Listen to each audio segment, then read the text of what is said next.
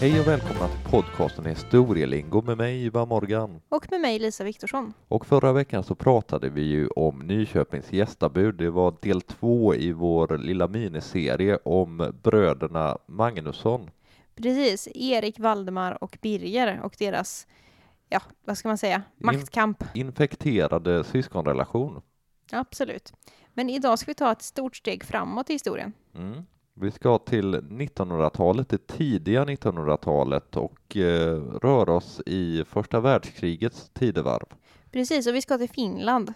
Och som ni har sett när ni klickade på avsnittet så kommer vi att prata om kungen av Finland. Vad falls tänker ni er nu? Finland har ingen kung, Finland är en republik, men dit kommer vi. Vi åker.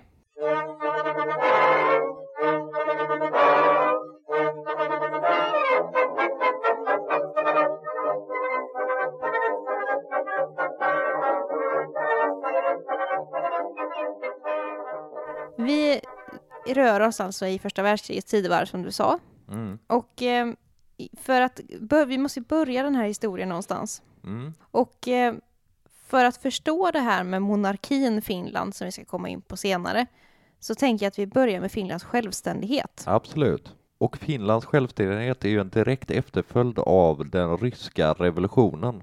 Exakt.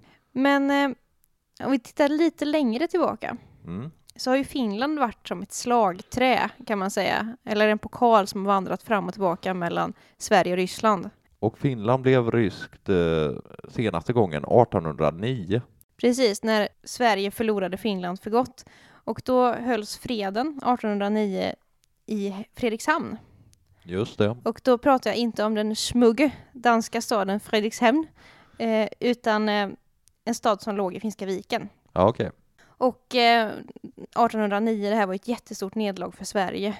Självklart. Eh, man krigade, slaget i Umeå stod och man förlorade extremt mycket eh, soldater un- under, de här, under det här slaget. Men som sagt, Finland har då sedan 1809 varit ryskt Mm. och stått liksom under Ja, det ryska tsardömet helt enkelt. Exakt. Och Finland brukar kallas för storfurstendömet Finland på den Mm. här tiden. Och eh, det låter ju flott. Mm. Men man stod ju liksom direkt under Ryssland och hade ju inget utrymme för, för någon egen regering eller sådär. Nej. Och eh, det kallas ibland även för personalunion. Ja, okej. Men personalunion det är ju att, att man har liksom en union mellan två nationer och det är lite missvisande här eftersom att Finland står helt under ryskt våld så att säga. Mm. Eh, man kan jämföra till exempel med den svensk-norska unionen som Just det. upplöstes 1905 då. Där, där brukar man också prata om personalunion eftersom att Norge ändå hade visst, eh, bestäm, viss bestämmanderätt och så. Det. Men det är en annan historia. Du nämnde ryska revolutionen Mm. och det är en väldigt komplex historia Ja. som jag tänker att vi kanske inte behöver gå in på i detalj här. Nej, det man behöver ha med sig är att Lenin och hans gäng med bolsjeviker och mensjeviker tog över makten och sen så blev det ganska infekterat om man säger så. Innan revolutionen hade ju Ryssland varit ett tsardöme och den sittande tsaren hette Nikolaj den andre. Och i och med revolutionen så avgår han. Mm. Och det här ser Finland och man ser sin chans. Mm. För det blir lite, ett lite konstigt vakuum då i Finland. Vad händer med Finland nu när det har varit revolution i Ryssland och de har bytt styre? Då finns det ett gäng i Helsingfors liksom, som åberopar en gammal svensk lag. Okej. Den svenska regeringsformen från 1772. Det tog det vara Gustav IIIs dagar. Precis, det var hans regeringsform och den 15 november 1917 så åberopar då finska politiker den här regeringsformen Mm. och menar att i den här svenska regeringsformen, med den i ryggen, så kan man upphäva unionen med Ryssland Just det. eftersom att Ryssland ju inte längre är ett kungadöme, det är ingen monarki och eftersom att de har ändrat hela sitt styrelsesätt så ska heller inte Finland vara ryskt längre utan sådana fall kanske snarare tillfalla Sverige eller så. Men Sverige hade ju inga planer i den vägen. Så Nej. här ser Finland sin chans att utropa självständighet. Och det gör de också. Ja, det gör man. Och man anser att det här med monarkin är ganska förlegad. Ja, det, det tror jag de flesta stater ansåg vid den här tidpunkten när man om, om vi ska säga någonting om första världskriget så är det ju att det ritar om kartan ganska rejält i Europa och Finland är ett tydligt exempel på det här. Och eh, det här med monarki ansågs vara något gammalt. Vi har ju ändå kommit in i eh, en modern tid. Ja, och monarkin ifrågasattes ju runt om i hela Europa, i Sverige också vid den här Mm. tiden. Sverige var ju också rätt rörigt vid den här tidpunkten och 1917 så brukar man ju säga att Sverige aldrig har varit närmare inbördeskrig än vad man var då. Nej, Men det är också en annan historia. Tillbaka till Finland. Man anser att monarkin, den är förlegad, men enligt liksom den här 1772 års regeringsform så då var det ju monarki i Sverige. Mm. Men man bestämmer sig för att nej, Finland ska nog inte vara en monarki. Finland bör bli en republik. precis. Och då tänker man att den här 1772 års regeringsform, den duger inte, vi måste skriva ny. Och det gör man. Man sätter sig och skriver en ny regeringsform och den här lägger man då fram för lantdagen. Och lantdagen är en äldre version av riksdagen, så att Mm, säga. Precis. Finska riksdagen. Och eh, lantdagen var också de som hade tagit över. Lantdagen styrde nu formellt Finland efter ryska revolutionen. För nu är ju Finland lite ett maktvakuum. Man, Mm. Ja, har inget, precis. man har ju ingen ledare, vare sig president eller kung. Eller drottning. Och eh, den här nya regeringsformen den lanseras för lantdagen den 4 december 1917. Mm. Och lantdagen tycker att det här är ett ypperligt alternativ och man bestämmer att Finland ska bli en republik. Mm. Den går igenom, men det är inte, det är inte enhälligt.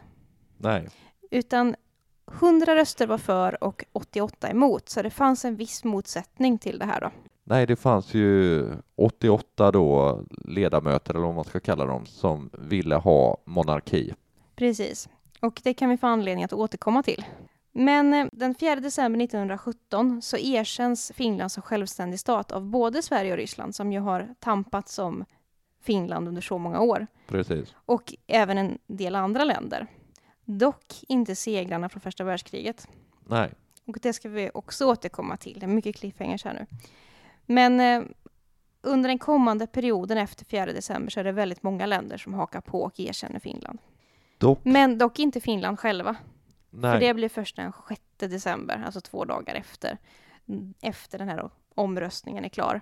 Då utropar, utropar man sig som självständig stat och den 6 december är ju fortfarande Finlands självständighetsdag och Finlands nationaldag idag. Mm. Men du sa att det var oroliga tider i Sverige och Mm. att revolutionen var nära. Så var det också i Finland året efter, för vi kommer in nu på vårvintern 1918 och då är det upprorsstämning i hela Finland. Det finns dels de som eh, gillar det som händer i Sovjetunionen, Mm. det vill säga någon form av marxister, men så är de inte riktigt bara, utan det var även många socialdemokrater som anslöt sig till den så kallade röda sidan. Och sen så har vi också den vita sidan, det vill säga lite mer konservativa och liberala. Mm. Och eh, det här kommer ju utmynna det som kallas det finska inbördeskriget, Mm. kommer bli en fruktansvärt blodig konflikt. Ja, absolut. Och eh, vi har varit inne på det tidigare i historielingo, men just inbördeskrig är ju någonting som är extremt uppslitande. Krig är ju alltid uppslitande, men just inbördeskrig adderar ytterligare en aspekt eftersom att vänner och grannar vänds emot varandra. Och det blir väldigt splittrat. Mm. Och just det finska inbördeskriget var ju väldigt blodigt som du sa dessutom.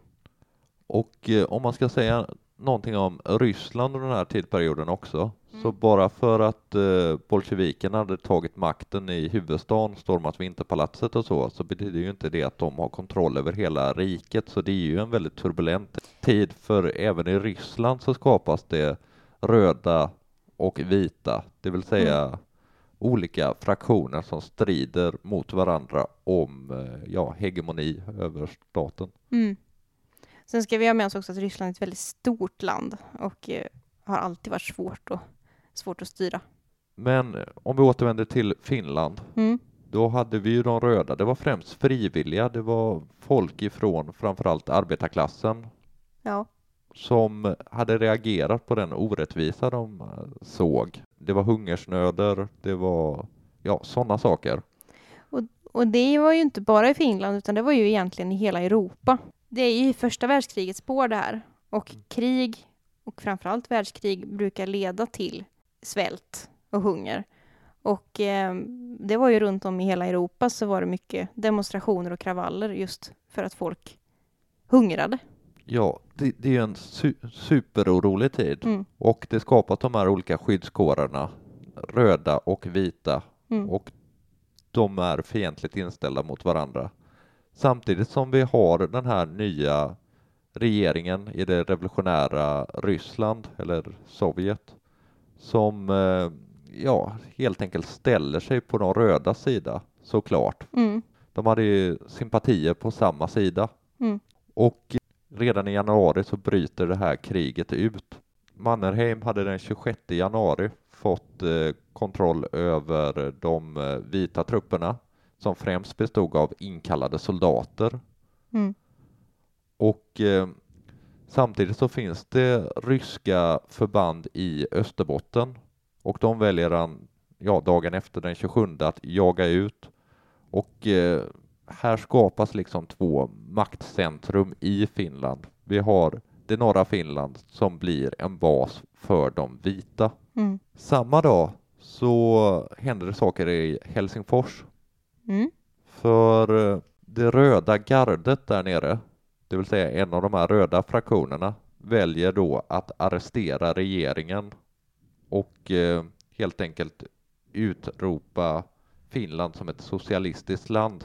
Och det får namnet då Finlands socialistiska arbetarrepublik. Precis, och då är ju det här som jag pratade om förut, när man utropar självständigheten. Alltså det styret är ju, det är skrotat nu.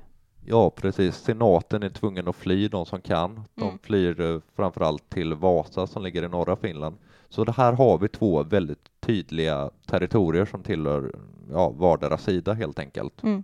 Och tanken här är inte att vi ska gå in på hela kriget, men jag tänker att det är några saker som är viktiga att ta med sig från Mm. det här inbördeskriget.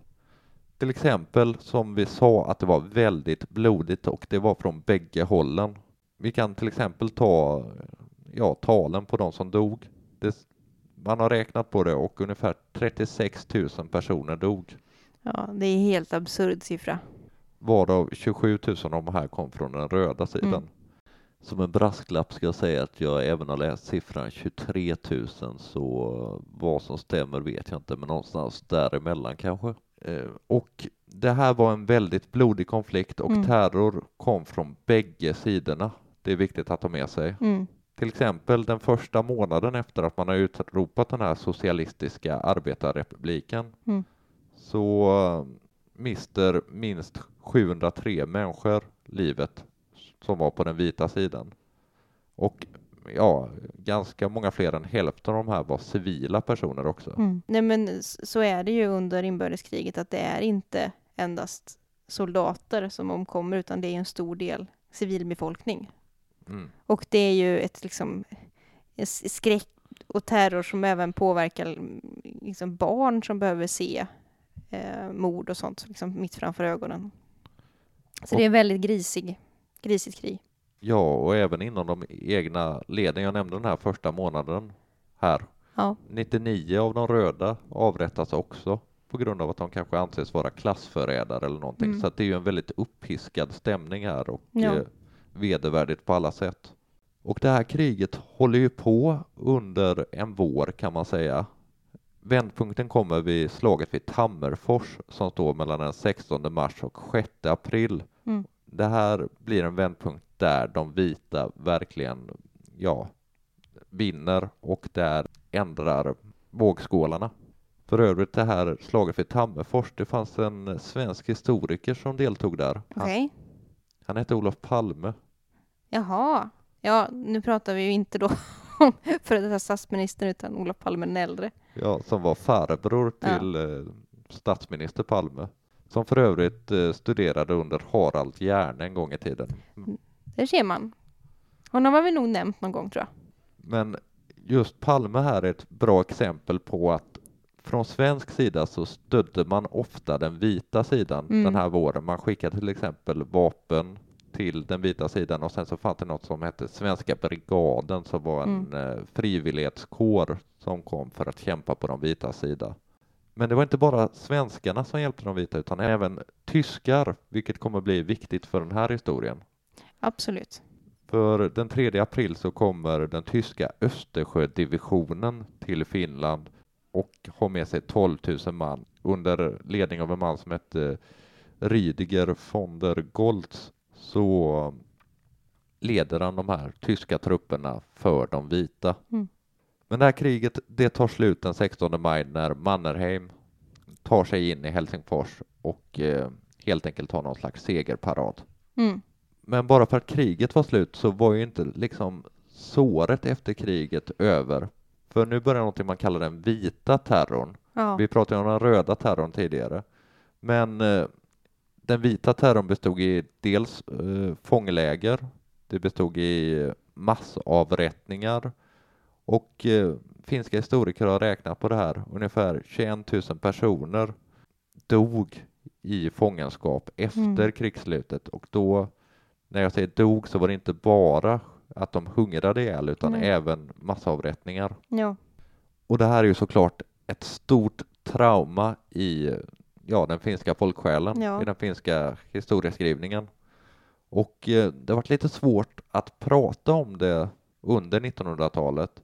Och jag läste en artikel av en eh, Uppsala-historiker, en historiedidaktiker som heter Jörgen Mattlar, Mm. som tar upp just den här problematiken när det gäller, ja, vad ska man säga, skolans hållning till inbördeskriget. Mm. Och länge så var det ganska vinklat. Ja. För ända fram till 1960-talet så kallar man inte ett inbördeskrig utan man kallar det ett frihetskrig i läromedlen. Och det är ju väldigt märkligt. Absolut. För att eh, frihet bör ju inte höra ihop med massavrättningar och terror. Nej, absolut inte. Anledningen till att man börjar kalla det för ett inbördeskrig igen tror i alla fall han Mattlar beror på att eh, det fanns en författare som hette Väinö Linna, en Mm. av Finlands största författare som skrev ja, någon slags arbetarhistoria kan man säga, lite som en arbetarförfattare om hur folk hade det innan, det vill säga den, eh, ja, den svält och sånt de levde i. Och att det här, och han blev, Linna då, han blev väldigt populär på 60-talet Mm. och att det liksom ändrade opinionen på något sätt. Ja, han är ju en av Finlands, tror jag, författare som har sålt definitivt mest böcker och läses ju fortfarande. Mm. Men det här är ju ett fruktansvärt kapitel i Finlands historia, i Nordens historia. Ja. Och eh, ja, jag tänker att vi kanske lämnar det lite grann här och går in på dagens ämne.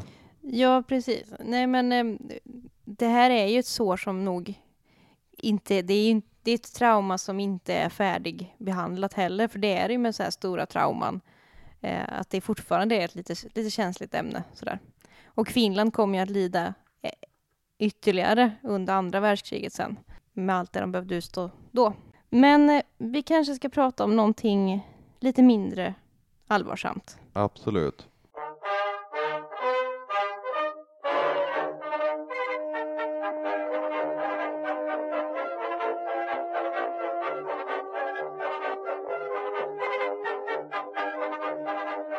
För som nämnde i inledningen till det här avsnittet så ska vi ju prata om kungen av Finland. Ja, och nu ska vi komma in på honom. Men det vi kan ha med oss från det här segmentet om det finska inbördeskriget som är viktigt för den här historien, eller allt är egentligen viktigt för den här historien, men det som kanske fram, framförallt är viktigt är att den vita sidan vann. Och som du sa tidigare så hade man ju 1917 svärmat för en republik. Mm. Dock så kommer ju det här inbördeskriget att ändra makten i Finland så att vi får en väldigt övervägande borgerlig majoritet. Och i de borgerliga kretsarna så var man för att ha en eh, monarki. Ja, och även på den andra sidan så blev man lite omvänd. Ja, för det hade ju varit ett otroligt trauma det här. Och då tänker man att man behöver en stark person som kan ena nationen och varför skulle inte en kung kunna liksom eh, fungera så? Och man blickar ju utåt då, för att skulle man välja en finsk kung så skulle ju den här förmodligen vara antingen röd eller vit och det kanske skulle fortsätta splittra snarare än att ena. Så man tittar utomlands. Ja, och även eh, språkligt Finland har ju en stor svenskspråkig eh, del av befolkningen så att det hade kanske också blivit lite fel om man antingen valde en finskspråkig eller en svenskspråkig. Absolut, så att man blickar mot Tyskland. Ja, som vi sa tidigare så hade ju Tyskland hjälpt till i det här inbördeskriget Mm. så man hade från den vita sidan ganska goda kontakter med Tyskland. Samtidigt som Kaisern var ju en av eh, Europas absolut mäktigaste män. Ja, Kaiser Wilhelm den andre. Dock får man inte riktigt en majoritet för det här först. Men eh, för man behöver ju ändra konstitutionen och när man ska ändra en konstitution så krävs det ju ja, i de flesta länder att det går ett nyval emellan, det vill säga att två regeringar ska vilja ändra på konstitutionen. Dock så hittar man en kryphål i den här gamla svenska lagen du nämnde tidigare som gör att man kan utse en kung. Och vem väljer man då? Ja, man, man väljer ju en kung och eh, han måste ju ha en titel. Självklart. Och hans titel blev konung av Finland och Karelen, hertig över Åland, storhertig av Lappland, herre över Kaleva och Pohjola. Men det hette han inte på riktigt. Nej, han hade nästan ett ännu längre namn än sin titel. Ja, han hette Friedrich Karl Ludwig Konstantin von Hessen-Kassel Rumpenheim. Ja, ett imponerande namn. Ja, det är ett fantastiskt namn tycker jag. Och han var ju, kom ju från liksom en, en, en fin härkomst. Han var son till en lantgreve som hette Fredrik Wilhelm av, av Hessen-Kassel. Han också då naturligtvis. Och eh, hans hustru Anna. Och han föddes 1868 i Okej. Holstein. Och eh, han var som sagt av fin börd för han var faktiskt ättling till kung Fredrik den första av Sverige. Ja, precis. Fredrik den förste var hans farfars farfars farbror. Precis, så att eh, det fanns en kunglig, det fanns långsökt men kunglig koppling då. Och Fredrik den förste, han eh, huserade ju även i Finland. På den tiden han var kung så var ju Finland en del av Sverige. Ja, för nu snackar vi ju frihetstid. Och han var ju gift med Ulrika Eleonora. Mm. Men det är en annan historia. Så att det var väl en anledning, för man kan ju börja fundera på varför valde man, vi kommer kalla honom Fredrik Karl Mm. framöver för att hans namn är för långt. så, eh, varför väljer man just Fredrik Karl? Jo, som du sa så vill man ju ha en tysk för att tyskarna hade hjälpt de vita, men varför väljer man just honom? Jo, han är ju liksom grevlig till att börja med Mm. och han, han har då den här kopplingen till det svenska kungahuset Mm. och det tyckte man väl var käckt. Men kanske den, en, den största anledningen det var att han var väldigt nära sammankopplad med det tyska kungahuset. Mm. För att Kaiser Wilhelm var hans svåger. Ja, då, Hans- är, då är man ju ganska tjenis. Precis, för att Wilhelm var nämligen bror till Fredrik Karls hustru Margareta. Just det. Och eh, ytterligare en anledning till att man just valde honom var också att han hade flera barn. Ja, okej. Och det är ju lämpligt. Ska du tillsätta en kung så är det bra om det är någon som har tronföljare då. Ja, och vi får säga också att Fredrik Karl vid den här tidpunkten, han är inte purung, han är inte jättegammal heller, men han är medelålders. Han är medelålders.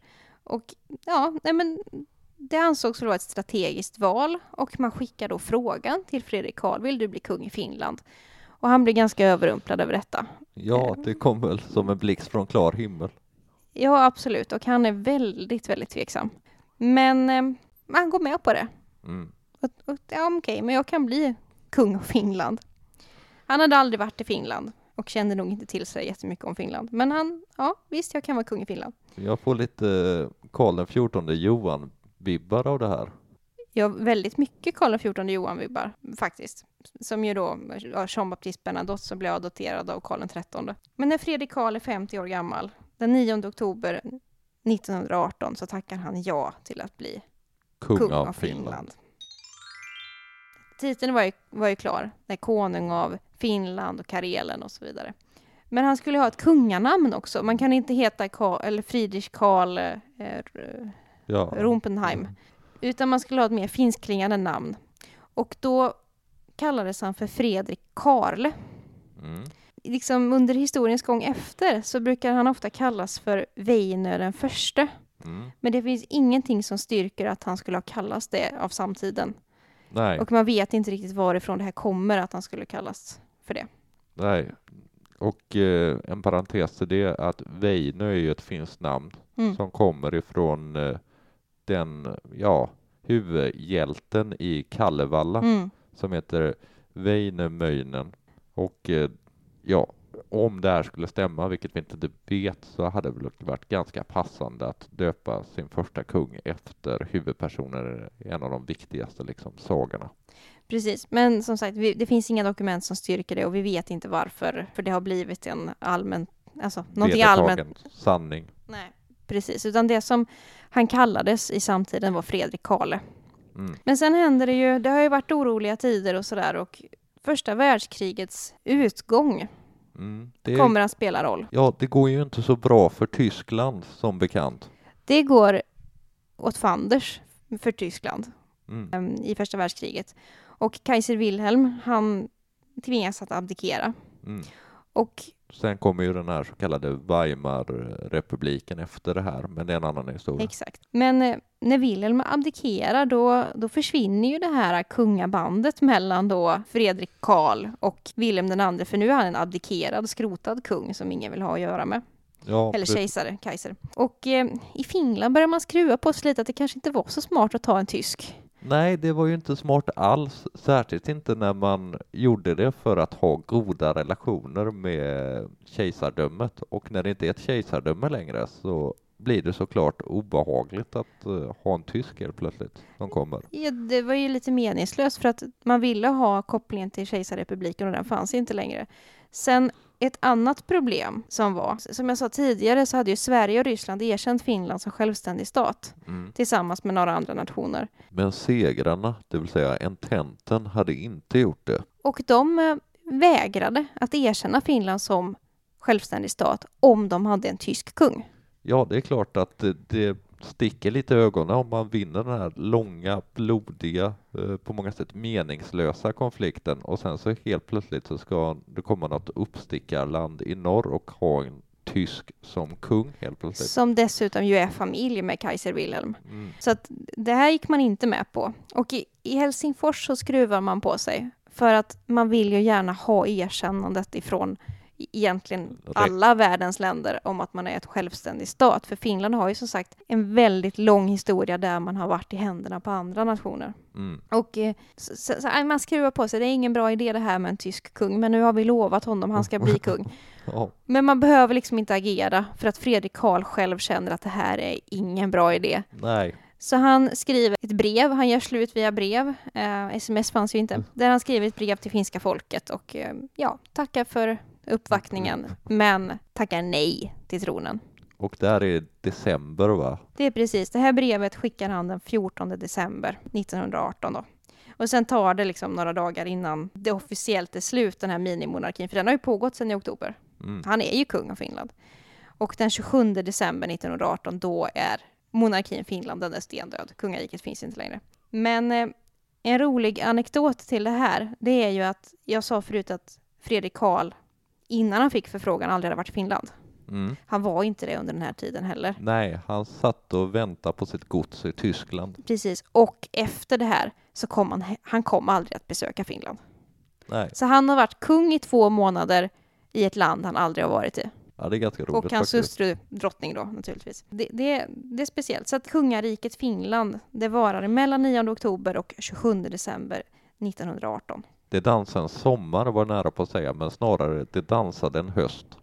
Höstvinter. Ja, precis. Och vad händer då i Finland? Jo, det är ju nu vi börjar känna igen Finland, för det kommer ju nu att bli en republik istället. Ja, de som har varit för kungadömet, de, de ger upp och de inser att det är en dålig idé. Mm.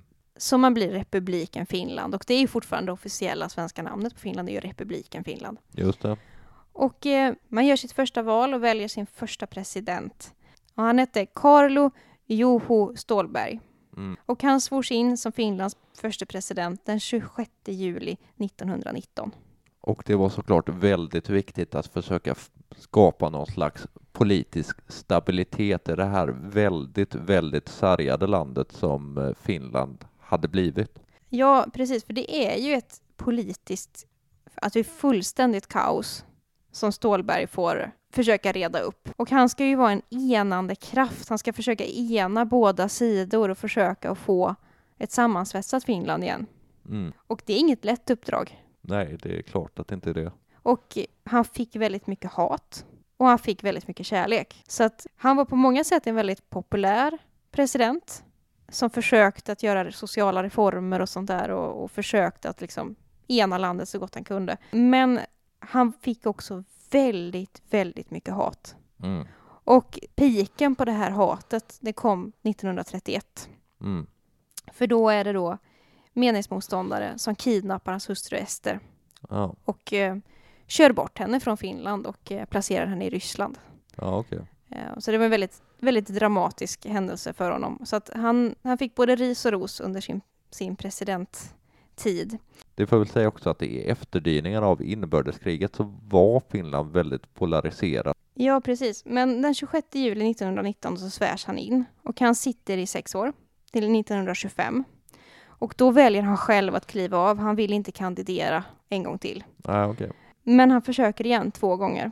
31 och 37. Och han förlorar, men han förlorar väldigt, väldigt knappt. Det är väldigt Ja, okej. jämna val, så det visar ju att han, han var en ganska populär politiker, Stålberg.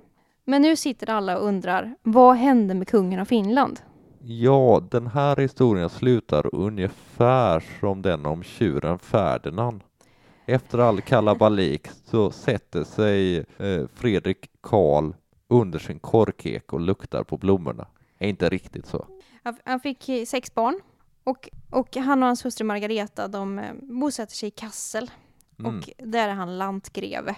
Och han eh, lever ett till synes lugnt och stillsamt liv och gör egentligen inga mer avtryck i, i Historien. historien. När han Så- sitter under sin korkek och luktar på blommorna. Han var i händelsernas centrum under två månader när han var kung av Finland, som han aldrig besökte. Och sen så ja, dansade väl han lite grann ur historien då. Mm. Men var det detta vi hade om kungariket Finland? Ja, det var nog det vi hade. Det var ett roligt avsnitt på många sätt, även om det var väldigt hemskt också. Ja, nej men det är en intressant tid, tycker jag. Det är en väldigt intressant tid. Vi eh, rörde oss ju i samma tid för tre veckor sedan när vi pratade om Elsa Brännström Just och det. hennes insatser under första världskriget i Ryssland, eh, där hon kom att kallas Sibiriens ängel. Just det. Så är man intresserad av första världskriget och det tidiga 1900-talet kan vi rekommendera det. Och eh, skulle ni vilja ha mer avsnitt på ja, det här temat, första världskriget, de här dramatiska åren, så får ni gärna höra av er. Vi har en e-mailadress som är historielingo.gmail.com. Sen har vi en Instagram-sida och där får ni väldigt gärna gå in och följa oss och eh, där heter vi Historielingo. Och lämna gärna ett omdöme i, i er poddapp om ni gillar det vi gör. Ja, så kanske fler hittar hit. Det vore kul. Men innan vi säger hej då så kanske vi ska tipsa om att det kommer ett bonusavsnitt av Historielingo. Ja, det kommer redan nu på måndag för då är det ju 17 maj och det är ju ett eh, datum som eh, betyder någonting. Ja, vi ska gå i barnetåg.